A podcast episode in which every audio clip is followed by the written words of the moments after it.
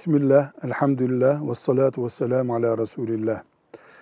Deniyor ki bilhassa cami kapılarında her dilenciye sadaka vermek zorunda mıyız? Cevap olarak diyoruz ki her dilenciye sadaka vermek zorunda değiliz. Bir defa gördüğümüz veya ilk gördüğümüz dilenciye de vermek zorunda değiliz. Sadaka fazilet için, sevap için yapılan bir iştir.